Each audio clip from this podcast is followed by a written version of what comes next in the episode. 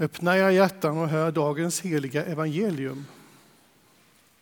Ifrån Markus tredje kapitel, vers 7 och framåt. Jesus drog sig undan mot sjön tillsammans med sina lärjungar. En massa människor kom från Galileen, från Galileen följde med, men också från Judeen, Jerusalem och Idumeen och från andra sidan Jordan och från trakten kring Tyros och Sidon kom människor i massor till honom när de hörde talas om allt han gjorde. Han sa åt sina lärjungar att ha en båt till reds så att han slapp bli trängd av folkmassan. Han hade botat många och nu kom alla som led av någon plåga och trängde sig på honom för att röra vid honom. Och när de orena andarna såg honom följde ner för honom och ropade Du är Guds son. Men han förbjöd dem strängt att avslöja vem han var. Sedan gick han upp på berget och kallade till sig några som han hade utvalt, och de kom till honom. Han utsåg tolv som skulle göra honom, följa honom och som han skulle skicka ut att predika och har makt att driva ut demonerna. Och de tolv han utsåg var Simon, som han gav namnet Petrus, Sebedaios son Jakob och Jakobs bror Johannes, vilka han gav namnet Boanerges, det vill säga Oskans söner. Vidare Andreas, Filippos, Bartolomaios, Matteus, Thomas, Alfaios son Jakob, Tadaios, Simon Kananaios och Judas Iskariot, han som förrådde honom. Amen. Låt oss be. Gud, vi tackar dig för ditt ord. Tack att det är levande verksamt, att du talar till oss genom ditt evangelium. Amen.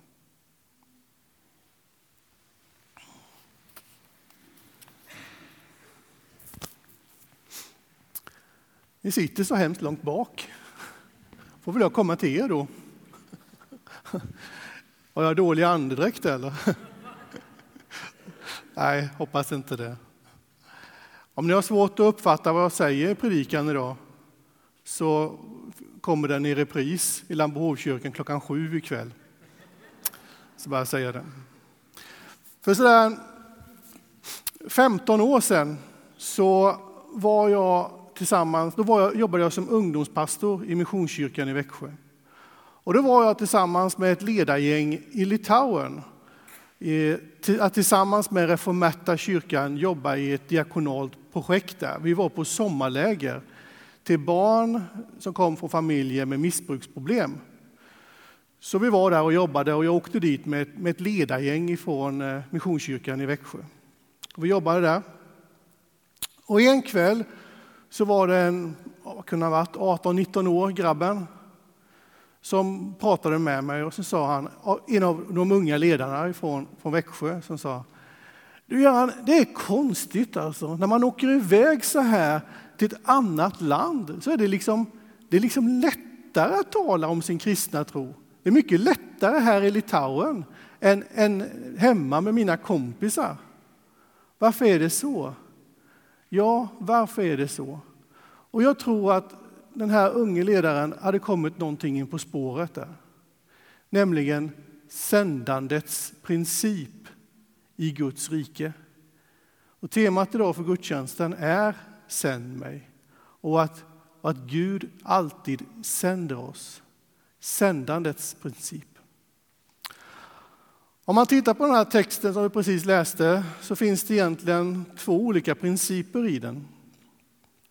Den ena principen det är attraktionens princip, att vara attraktionskyrka. Att, att Jesus, så att säga, människor kom till Jesus, man såg vad Jesus gjorde för någonting och så kom det massor med människor till Jesus. Och han var tvungen att ha en båt för att det inte skulle bli trängsel och de här detaljerna som är i evangeliet. Alltså attraktionens princip. Den andra principen, det är sändandets princip. Och det är när Jesus sitter där på, på berget med sina lärjungar. Han har utvalt dem och han säger till dem att de ska gå ut och liksom i en sändning. Och den här sändandets princip i Guds rike är otroligt viktig.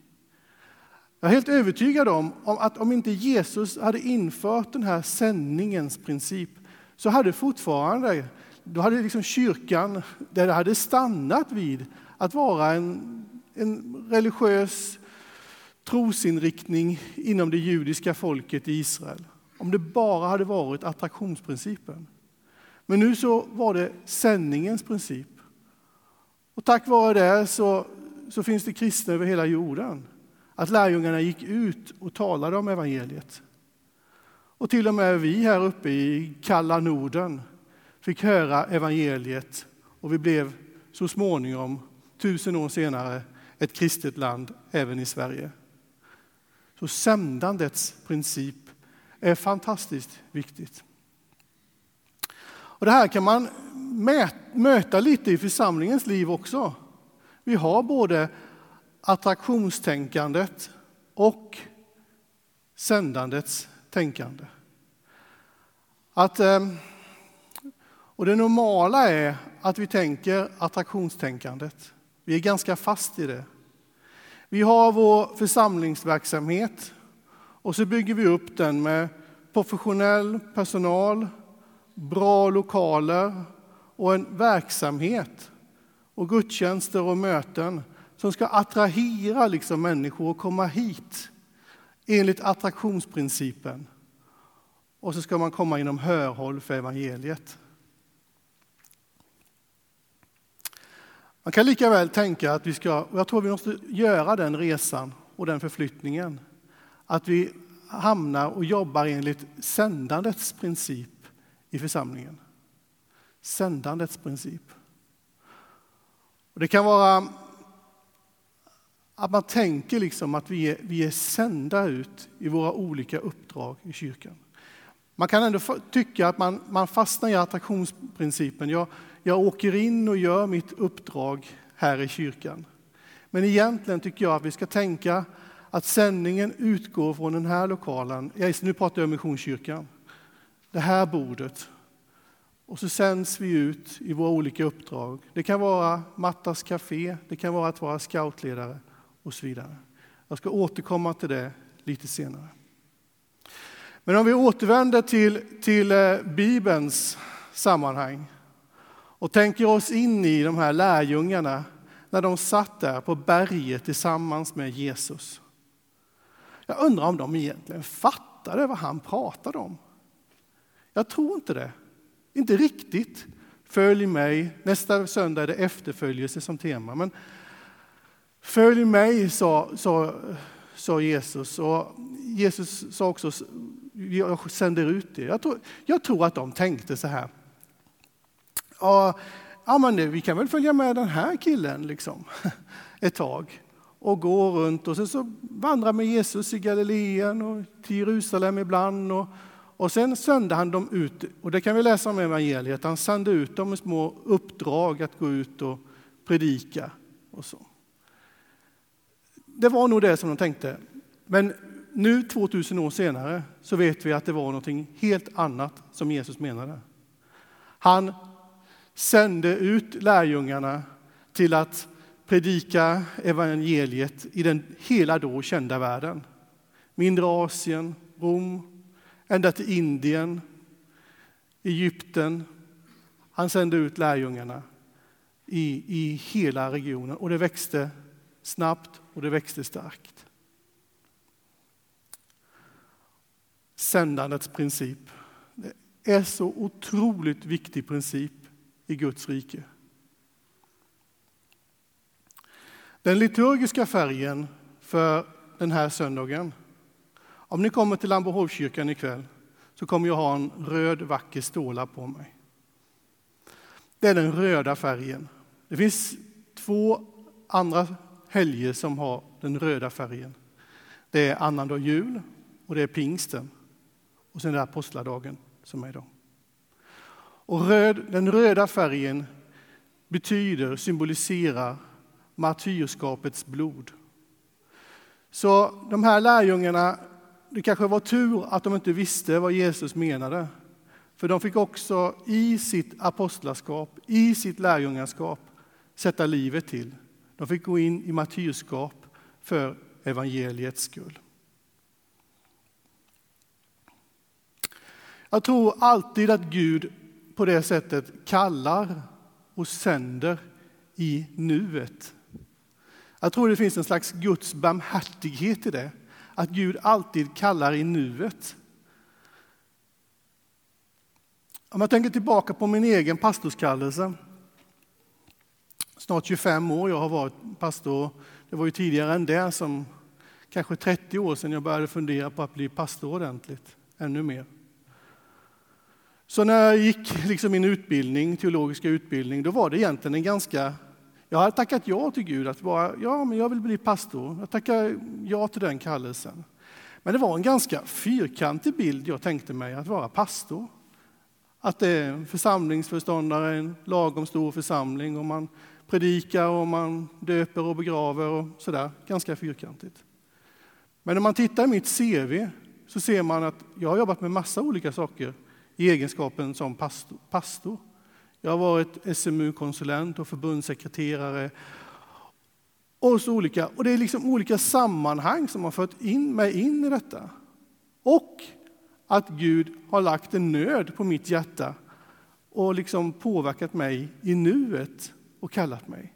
Så på så sätt är kallelsen alltid levande och alltid i nuet. När jag blev pastor i Upplands Väsby så var det att jag jobbade som förbundssekreterare eller generalsekreterare på Ekumenia. Och jag, Gud la en längtan i mitt hjärta att jag vill, jag vill jobba i församlingstjänst. Det är det jag vill. Och så kom jag inte ifrån det. Och sen så blev det så att jag började jobba i en, i en, en församling Upplands Väsby istället. Och nu jobbar jag i Lambohovskyrkan och tycker också att jag är liksom på det är det jag ska göra. Det är min plats. Gud kallar alltid i nuet. Då kan det bli lite frustrerande ibland eh, när jag, som det här året, tar ett litet break och läser och studerar. Jag studerar till folkhögskolelärare på, på universitetet. Och jag tycker liksom att också det är rätt. Men jag blir frustrerad över när alla ni här och några till frågar och vad ska du göra av det? Vad, vad, vad vill du göra sen? Därför jag har inte det tänkandet. Jag, jag tänker att Gud kallar mig och kallar dig och kallar oss alla i nuet. Det är nu som, som, som Gud jobbar med oss och påverkar. Och Gud kommer att lägga liksom en nöd i oss och föra oss in i olika sammanhang så vi kanske hittar vår rätta uppgift. Och det, här, det här bryter lite grann mot värderingar och tankar som finns i samhället i övrigt. När vi har ett väldigt karriäristiskt tänkande. Alltså att många lever efter att det jobb jag har nu, det är liksom ett trappsteg för att kunna gå vidare till nästa jobb och till nästa och komma vidare. Hela tiden så tänker vi sen. Vad ska vi göra sen? Sen. Jag tror att det är otroligt viktigt att vi liksom försöker hitta Guds kallelse i nuet. Vad vill Gud med mitt liv här och nu, just nu? Sen ska ni inte förvånas om Gud låter er vara i nya sammanhang längre fram.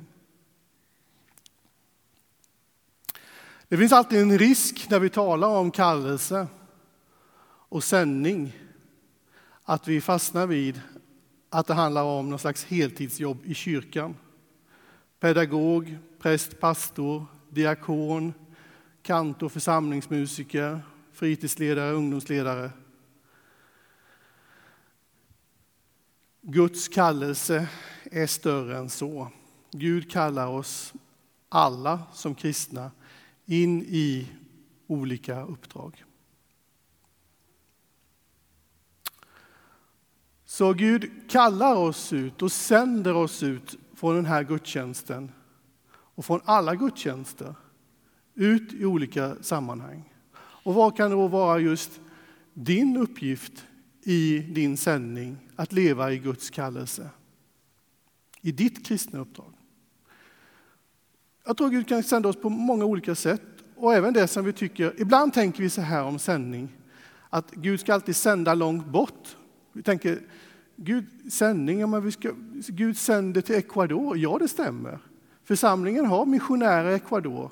Petter och Andrea, de är sända dit. Men du kan lika väl vara sänd bara runt hörnet och sitta i informationsdisken. Det är också Guds sändning i den här församlingen. Så Gud kan sända oss ut till engagera oss i Ekängen, i det arbetet där, församlingen. Engagera oss i Lambohovkyrkans arbete. Engagera oss i Vallastaden har byggts nu precis. Det kommer att flytta in människor där. Hur ska vi möta dem med evangeliet? Sända dit. Sändas till Mattas café bara några steg bort här, att möta människor. Sändas till Lerberg, heter det va? Scouterna i baptistkyrkan. Eller scouterna här i Missionskyrkan, eller scouterna i Lambohov. Det är en sändning det också, att ni liksom sänds ut. Stadsmissionen, Volontär, Crossroads. Alltså det finns många platser där Gud sänder oss. Och vad är din sändning? Och att vi försöker vända på kuttingen och se den här sändandets princip som är så, så central och så viktig i Guds, Guds rike.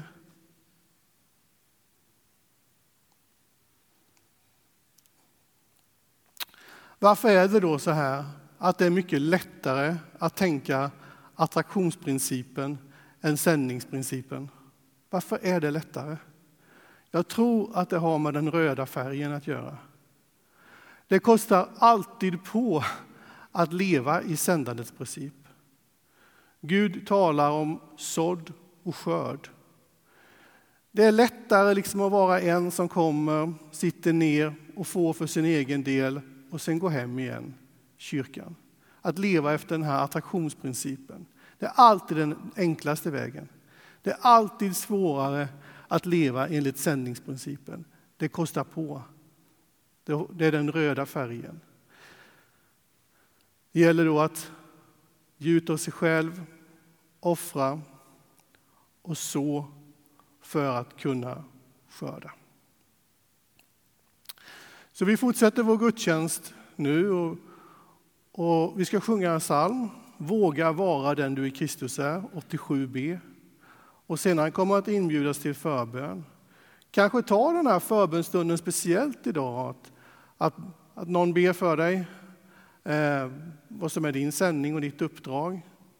Eller tänd ett ljus för det eller skriv en bön. Men bönestunden är ju naturligtvis öppen för allt, men, men ta tillfället i akt idag, mitt i sommaren på det här sättet. Amen.